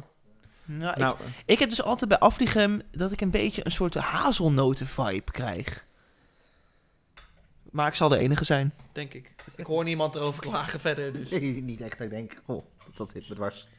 Tijd voor een hapje appelpannenkoek. Roept u maar, Mike.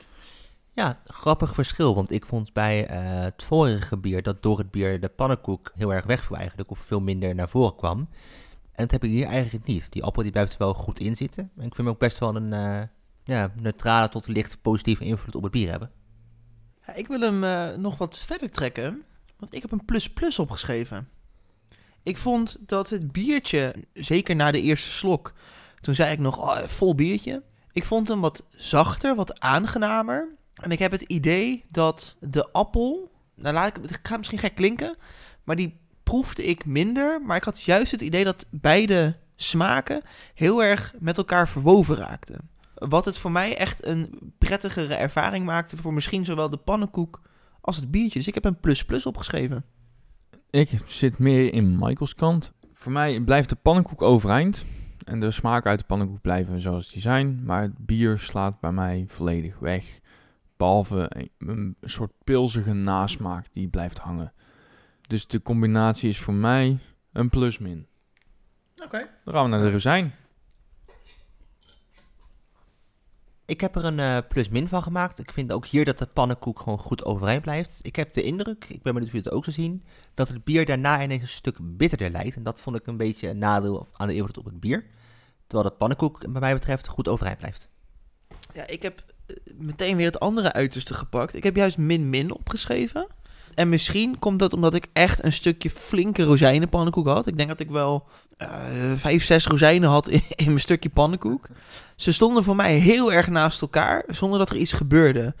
De rozijn was heel overheersend. En als ik het slokje bier nam, dan kreeg ik weer die ervaring bij de eerste slok bier... zonder dat er een combinatie met een pannenkoek werd gemaakt. Dus daarom heb ik de min-min opgeschreven. Ja, ik eh, Ga weer de andere kant op. Ik heb plus plus. Hou op, je doet het erom. Ja, nee, echt. Eh, want wat hij voor mij doet, ik kreeg een heel raar mondgevoel in eerste instantie. En dan dacht ik, huh?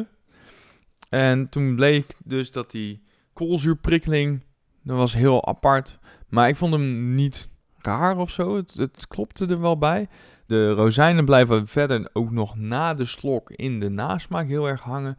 Wat een soort hele rare leuke wisselwerking geeft. Het- is niet per se in, in balans of zo, maar je merkt gewoon, er gebeurt van alles. Op een eh, een leuke, wisselende manier.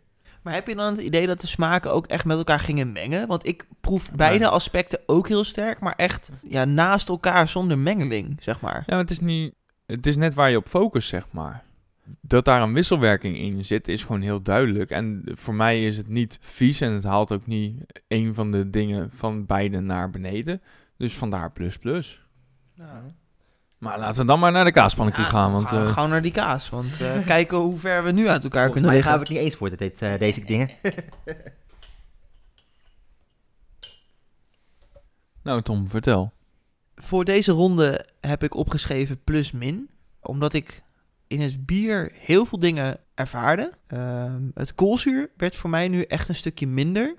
En ik had het idee dat de kaas het bier wat zoeter maakte dan, dan het biertje eigenlijk losstaand is. Maar met de pannenkoek gebeurde er niet zoveel. Ik vind dat de kaas best wel, ja, die bleef overeind, heeft best wel een sterke smaak. Maar daar veranderde niet heel veel in. Aan het biertje wel, dus vandaar de plus min. Ja, eigenlijk eh, weer eens precies andersom zoals wat Tom eh, betoogt hier. Ja, ik ook. Maar ik vond, en dat komt een beetje overeen voor deze eerste keer met de Barbaren, waar ik eigenlijk hetzelfde vond. Dat ja, die kaas juist eigenlijk een beetje gaat overheersen. Maar ja, daardoor proef je heel erg de, de kaas, die wel iets aangepast wordt door de smaak van het bier. Maar ik proef dan voornamelijk toch kaas in mijn mond en niet bier. Nou ja, voor mij ook weer heel iets anders. Min min. Eh, ja, het is zo... Ja. de, de pannenkoek valt voor mij volledig weg. Er blijft een soort oude kaassmaak over. Ik hou niet van oude kaas. Maar het is geen oude kaas, want ik heb hem zelf geraspt. Het is belegen kaas. Daarom. Maar de, de- ja, dat is dus niet zo. Van de pannenkoek, hè, de, de ranigheid, meligheid, de zoetheid, zeg maar, dat, dat valt volledig weg. En bij het bier beleef ik helemaal niks. Het is als ik gewoon een beetje natte zooi in mijn bek heb, zeg maar. Ja, het, ik merkte er geen ene hol van. Dus voor mij is dit een min-min. Ja, dit mag, dit kan. Dan gaan we naar de spekkie. Spekkie. Ja, voor mij eigenlijk een beetje hetzelfde als mijn voorgaande verhaal. Ik proef voornamelijk vervormde spek. Ja, dit keer ben ik het wel helemaal met jou eens, want ik heb de, exact dezelfde ervaring. De spek overheerst te veel. Ja, misschien wordt het bier daardoor iets geremd, maar ik denk ook dat het een soort van valse schijn is, omdat de spek gewoon net iets te sterk op de voorgrond is. Dus ik heb ook een plus-min opgeschreven en dan dit keer in het voordeel van de spekpannenkoek en niet in het biertje. Oh, hokje 8 en we zijn het een keer eens. Kijk, heel goed. Nu gaat Maarten het weer verneuken. Nee, Nee? ik heb ook plus min. Hier, jongens. Wauw. Ik vind dat de vleesigheid heel goed naar voren komt. En voornamelijk ook blijft hangen in de nasmaak, ondanks de paar slokken bier die ik op heb. Van het bier zelf merk ik vrij weinig en had ik er meer van verwacht qua combinatie. Daardoor vind ik het bier dus de min en is de pannenkoek de plus voor mij. Nou, Ja, het heeft acht ronden geduurd, maar we zijn eensgezind. We kunnen de bieren weer inleveren, dan ga ik de vo- het volgende biertje Ho, pakken. ho, ho. Ik wil eerst weten Oh ja, wat de- nou jullie uiteindelijke match is. Voor Nou, mij ik- is het heel duidelijk. Ja, voor mij ook. De appel. Ja, maar daar ben ik het in deze wel mee eens. Ik heb daar plus neutraal opgeschreven. Maar ik vond de smaak op de plank net heel positief. En die op het bier, nou, wat lichter, maar wel nog steeds richting de positieve kant. Dus ik eh, deel jouw mening. Nou ja, voor mij is het dus de rozijnen, want het is de enige plek waar ik eh, plus plus heb gegeven. Maar we zitten in ieder geval allebei allemaal aan de zoete kant van het Ja. spectrum, hartig zeg maar. Ja, is heel raar. Ja, dat is heel moeilijk dit. eh. Ja, maar, eh, want hoe ga je dit anders beschrijven? We Ja, zitten aan de heb- fruitige kant of aan de hartige kant dan? nou, dus ik heb dus gewoon zoet en hartig. En appel en Ah, rozijn vind ik zoet. En spek en kaas vind ik hartig. Oké, dan en pas als je gaat combineren, dan krijg je die moeilijkheden van is het zoet, is het hartig. Maar we zitten in ieder geval allemaal aan de zoete kant. Dat is al heel wat. dat wel. Ja, en de ja. vorige ronde zaten we dat niet, want ik heb kaas gezegd. Maar zitten we dan ook allebei, al, of allemaal, aan de min-min kant op hartig. Michael, slechtste combinatie. Ik denk dan dat ik bij deze voor de kaas ga. Ik vond, bij, ik vond zowel bij de kaas als bij het spek dat dat heel erg op de pannenkoek effect had en dat het bier er een beetje wegviel. Maar ik had dus het gevoel dat bij de kaas de smaak van het kaas zelf daar ook een beetje mal van werd. Terwijl bij de spek dat meer overeind bleef. Dus de spek vond ik nog wel gewoon lekker. En bij de kaas had ik wat meer een associatie van dit bevalt niet echt goed. Ja, het is jammer dat je deze vraag stelt, want ik vond de rozijn de min-min. Ik heb bij de rozijn opgeschreven dat de rozijn zoveel overheerst. Het bier, er gebeurt niks mee. Maar de rozijn wordt ook niet anders, wordt niet lekkerder, wordt niet dragelijker. Dus nee, ik ben het daar niet mee eens. Ik zit dus toch aan die zoete kant. Die rozijn, die hoef ik niet. Ja, ik zit wel aan de hartige kant en net als Michael richting kaas. Ja, wat ik zei, de oude kaassmaak overheerst. En de rest doet niet zoveel. Laten we inderdaad lekker naar het volgende biertje gaan. Dat is één van mijn favorietjes in deze ronde. Ik heb deze eergisteren nog op, jongens. Fantastisch lekker. De Maar- delirium. Met vrienden smaakt die beter, dus ik wil graag het glas weer met jullie heffen. En dan zeg ik, cheers! Proost. Prut. Tijd voor een hapje appel, denk ik dan. Of niet? Ja, dat was al Daar gaan aan het stal te maken. Moet zeggen dat dit me prima bevalt, want de smaak van de appel blijft gewoon goed overeind. Maar die draagt vervolgens ook voorbij, voor mijn gevoel, aan een beetje het, het frisse gevoel van het bier. Ja, ik heb dus weer dezelfde ervaring die ik bij de vorige ronde bij die rozijnen had. Ja, ze staan allebei overeind, maar ze doen niks met elkaar. Het is weer gewoon de typische, best wel heftige delirium. En ja, een appelsmaakje van de pannenkoek. Ik heb een min-min opgeschreven. Ik heb een plus-min opgeschreven, want voor mij valt de appelpannenkoek bijna volledig weg. En het versterkt wel de kruidige, frisse kant van de delirium. Dat vind ik wel lekker.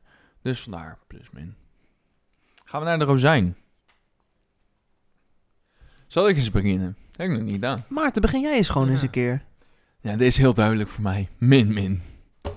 Ik ga naar huis. ik ga echt naar huis. Ja, ik vind dus echt, hij versterkt de rozijnen niet. Er komt geen smaak vanaf. Ik hou een beetje rozijn in de nasmaak, punt. De frisheid, kruidigheid en koolzuurgehalte versterkt te.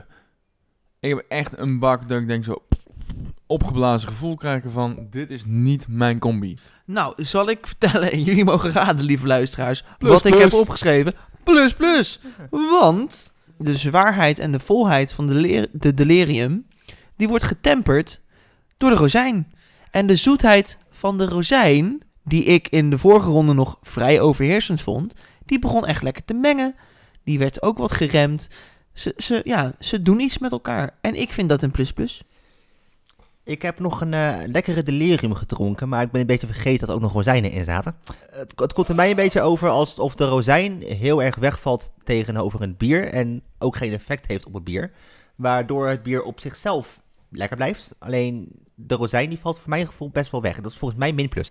Hey, laten we lekker naar de kaas gaan dan. Let's go. Ik ehm, heb een min plus opgeschreven. Ik heb daar niet een systeem in. Als een van de twee een plus is en de andere min, dan gebruik ik dat door elkaar. Maar ik ga wel even toelichten wat dan eh, de plus was en wat dan de min was. En dat was voor mij voor het eerst dat de kaaspannenkoek de min was. Ik heb het idee dat het bier nog sterker ging overheersen door de kaaspannenkoek. En voorheen had ik dat eigenlijk ja, precies andersom. Min plus. Ja, grappig, want ik hou dus wel echt met de kaas dezelfde eh, ervaring als de vorige twee keer. Dat vooral de kaas heel erg het overheersen en vervormt. Dus eh, voor mij komt het dan neer op min plus. Voor mij is het een... Min min. Eh, min plus. Dus plus min, dan variatie. Oké. Eh, het is voor mij een plus plus. Ik vind dat de kaassmaak mooi overeind blijft. Ook in, eh, in de slok, ook in de nasmaak. En dat vind ik lekker. Ook blijft de pannenkoek aanwezig, zeg maar. Wat ik verder vind, is dat de kaas het koolzuur tempert. Waardoor juist de frisse, kruidige kant van het bier meer naar voren komt. En ik niet het idee heb dat ik zo vol raak van dit bier.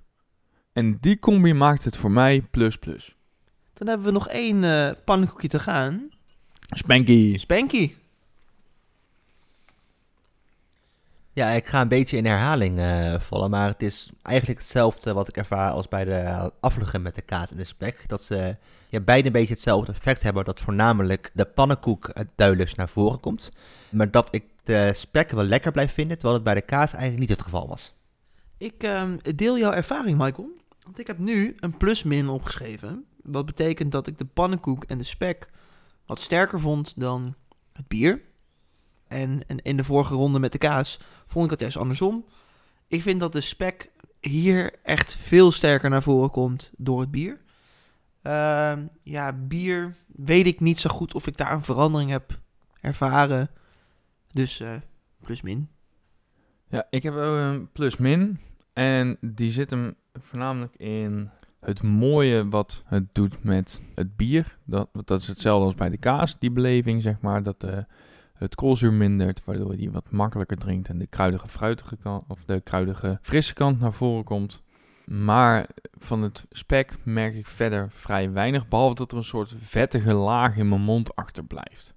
Dus niet de smaak, maar wel zo'n weeige smaak of zo. Of feeling achterblijft. Ja, plus min voor mij. Maar dan kunnen we de conclusie gaan trekken. Tom, Voor mij is het weer een overduidelijke winnaar. En eh, het zou technisch gezien nog kunnen, want ik heb weer een andere winnaar dan eh, in de voorgaande rondes en de voorgaande bieren. Voor mij is dat dit keer de rozijn. Het bier werd minder heftig. De extreem zoete kant van de rozijn werd getemperd. En ik ervaarde dus echt dat die rozijn en de smaak van de frisheid van het bier echt met elkaar begon te mengen. Dus voor mij deze ronde de rozijn. Ja, en echt het minst, en volgens mij was dat degene die jij als meeste hebt eh, ervaren, Maarten. Dat was voor mij de appel. Nou, dat was allebei gewoon, dat was niks. Ik heb er verder ook niet eens een woord bij geschreven, maar ik kan het beamen. Er staat gewoon min-min. verder niks. Ja, nou dan eh, zijn we weer verschillend van mening, want ik ga de appel juist als de meest positieve... Nee, ja, ik kan je wel je hoofd gaan schudden. Maar ik vond het daar... En de appel bleef gewoon lekker overeind, door de appel nog goed smaakte. En dat had vervolgens ook weer een effect op de frisse smaak van bier. Vond een lekkere combinatie. Ja, net als vorige ronde eh, vond ik de kaas het minste, omdat ik gewoon... Ja, eigenlijk vrij consistent het gevoel krijg dat ik voornamelijk kaas proef, maar dan niet kaas op een lekkere manier. nou voor mij de minste deze ronde is heel duidelijk de rozijn. Ja, alles valt weg. Voor mij de, het mooiste is de kaas. De kaas blijft en het haalt juist het koolzuur in het bier naar beneden, waardoor je meer van het bier proeft. Ik heb dus ook nog steeds drie verschillende. Dus de vuur en vlam die we nu gaan proeven, Spek. die zou bij mij bij spek komen. Bij mij ook. Ik heb al drie keer de kaas als minste. Ik ben daar vrij consistent in. Maar Nou, dan, dan moet jij dus nu kaas gaan proeven. Jongens, de laatste. Aangezien we dus geen pannenkoek meer me- hebben met een stukje spek, stel ik voor dat we dit keer de andere kant op werken. Dus dan met spek beginnen naar appel toe. In de hoop dat er nog een beetje speksmaak zit. Maar voor we zover zijn, De vuur en we- vlam. ja, voor de laatste keer, Even, hef dat eh, glas Klinken. En, en, drinken.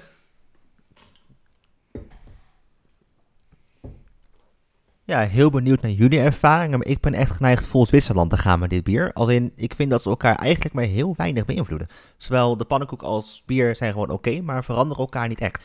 Als ik moet kiezen, zou ik zeggen dat ze allebei elkaar net iets minder, dus neigen naar min-min. Maar ik vind ze heel dicht beide bij het nulpunt zitten.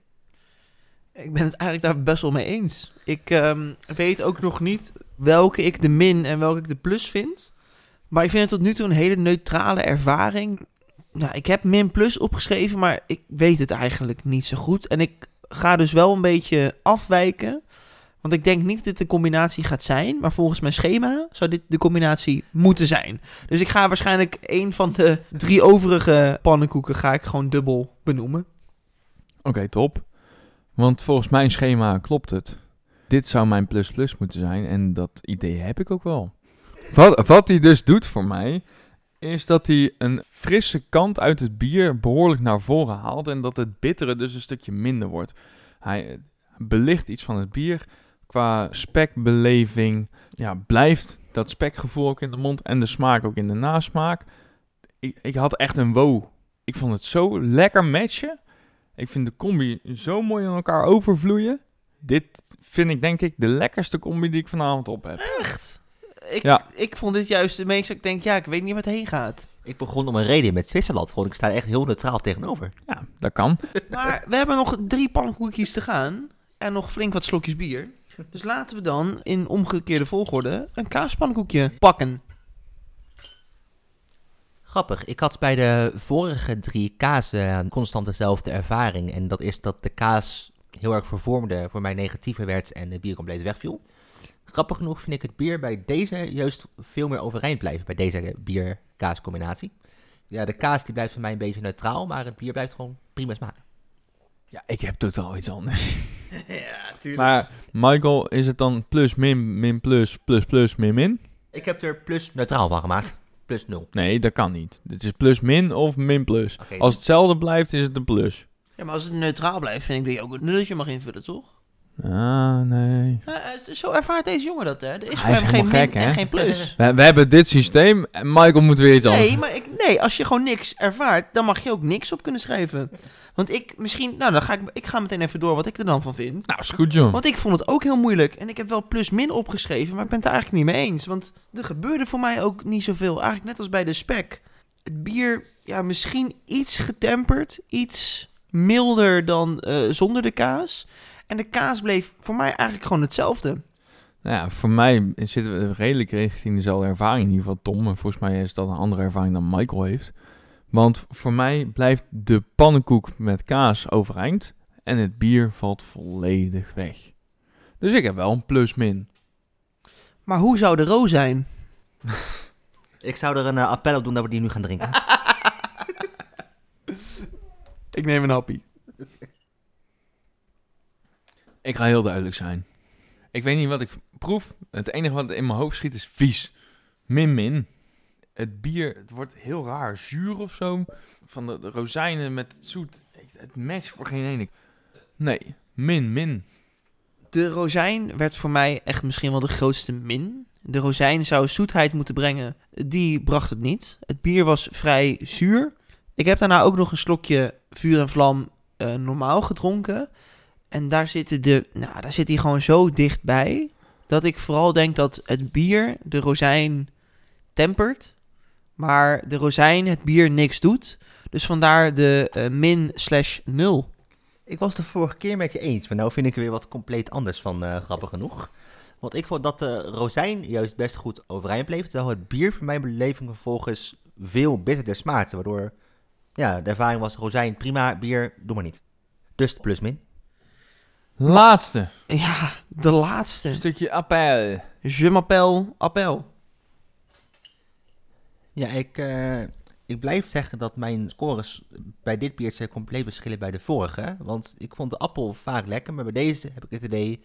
En ik proef de appel niet heel duidelijk. En het heeft vervolgens ook een heel negatief effect op hoe ik het biertje ervaar. Een beetje hetzelfde als wat ik bij de rozijn zei, dat het bier vies leidt te proeven. Dus ik zeg min min. Ja, voor mij haalt hij juist de frisse kant van het bier naar voren. En dan krijg ik een, een plus voor het bier. Maar voor de appelpannenkoek, dat haalt het weg. Ik proef daar bijna niks meer van. De bittere smaak van het bier die er normaal aan zit, ervaar ik niet zo. Dus je zit veel meer op dat frissige, fruitige. Dus plus min. Ja, ik heb nu het systeem weer een beetje aangepast. Ik heb- niet. ik nee, heb- dat kan echt niet. Een plus vraagteken heb ik opgeschreven. Nee, ik maak geen grap. Ik maak geen grap, dat staat er echt. Plus vraagteken. Plus vraagteken. Om, maar ik denk dat dit voor mij de combi is. Het bier is voor mij de overduidelijke plus. Want die werd een stuk zoeter voor mij door die appel. En de appel is ook niet weg. En ik weet niet of ik dan de appel een plus moet geven of een nul. Ja, ik voel hem wel. Eh, Ik vind hem wel. Ik vind hem prima. Maar dan blijft nu de vraag over. Wat was het lekkerst, wat was het minst lekker? Met de vuur en vlam. Ja, ik ga dus compleet omdraaien. Ik heb drie keer gezegd, de kaas vind ik het minst lekker. Maar oprecht, in deze vind ik hem het lekkerste.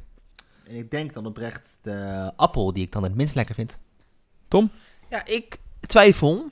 Aan de ene kant denk ik dat ik voor appel moet gaan. Aan de andere kant denk ik toch dat jij stiekem meer weet dan je laat, laat blijken. Dus dan zou ik voor de spek moeten gaan. Dat jij ook voor de spek gaat, dat weet ik. Omdat ik bij de appel plus vraagteken heb opgeschreven. En bij de spek min plus. en er eigenlijk in deze ronde voor mij heel weinig verschillen zitten, ga ik hem gewoon afmaken. Ga ik zeggen, spek was de lekkerste. En voor mij overduidelijk de minst lekkere in deze ronde was de rozijn. Nou kunnen wij elkaar de hand geven deze ronde. Hey, komt ie. Want de rozijn is echt tering smerig. En voor mij is de spek in alles het lekkerste qua combi. Ik vond de spek met de vuur en vlam de lekkerste combinatie van vandaag. Wat is jullie favoriete combinatie van vandaag? Kan je daar nog uitkomen? Nou, voor mij overduidelijk de lekkerste combinatie was de delirium rozijnpannenkoek. En ik weet, ja, jullie hebben dat als minste ervaren. Ik vond dat daar juist die smaken zo met elkaar gingen mengen. Dat daar zo'n mooie, milde balans in kwam. De delirium is aan zich een best wel vol bier. De rozijn is aan zich super zoet. Maar eh, gooi ze samen in een pannenkoek, in een biertje. Het werkt.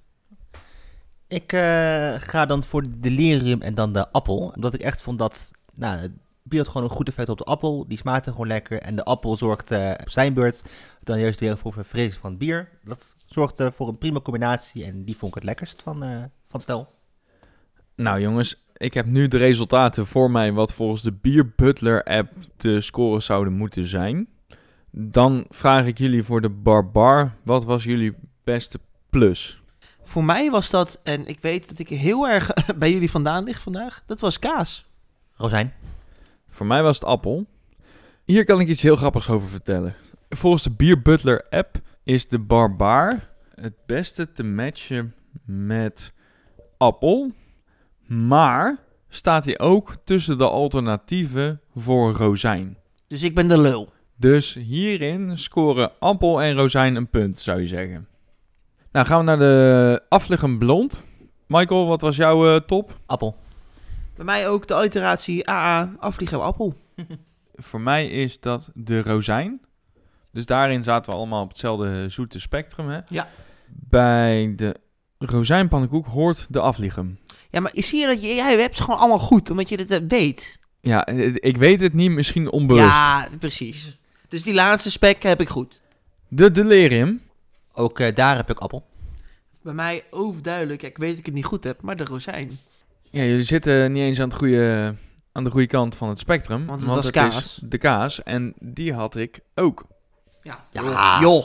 Dus dan, Super verrassing. dan blijft spek over voor de vuur Ja, en vlam. Die nou. heb ik goed. Jij en ook, daarom, Tom. ik zei het nog in mijn verantwoording. Ik zei, ik vind eigenlijk appel, maar ik weet dat ik spek moet kiezen, want dan heb ik een Nee. punt. Ja, maar ik vind het ook oprecht plus plus. Het Ja, is niet zo nee, dat ik dit uit ga zoeken. Ik denk dat, dat we gewoon even kunnen zeggen dat het gewoon superleuk en lekker was. Dus Zeker. bedankt voor de voorbereiding eh, aan eh, mezelf en aan Maarten. Michael, Ja. onwijs bedankt en fantastisch dat je er weer bij was. Ja, ik vond het ook heel leuk. Inderdaad, jullie ook bedankt voor de voorbereiding en het maken van al deze lekkere pannenkoeken in combinatie met de biertjes. Bedankt voor de blije baron. En bedankt dat je gewoon een lekker flesje de neus mee had genomen. Hebben we heerlijk van genoten. Zeker. Tot eh, ongetwijfeld de volgende keer. Ja, tuurlijk, je komt weer een keer langs. Michael, welkom. Michael, altijd welkom. Vaste vriend van de show. Wij zijn vooral benieuwd naar wat jullie vinden van hetgeen wij doen. Hetgeen wij drinken. Hetgeen wij als meningen verkondigen. En hetgeen wat wij moeten gaan drinken volgens jullie. Precies. Stuur ons vooral een berichtje. Je weet ons inmiddels te bereiken via de socials. Heb jij nou biervrienden waarvan je denkt... Oh, die zouden onze podcast super leuk vinden om eh, aan te horen? Deel het vooral. Wij drinken nog even door, zoals je kan horen. Voor de laatste keer, jongens. We gaan het glas heffen. En dan zeggen wij klinken. En drinken.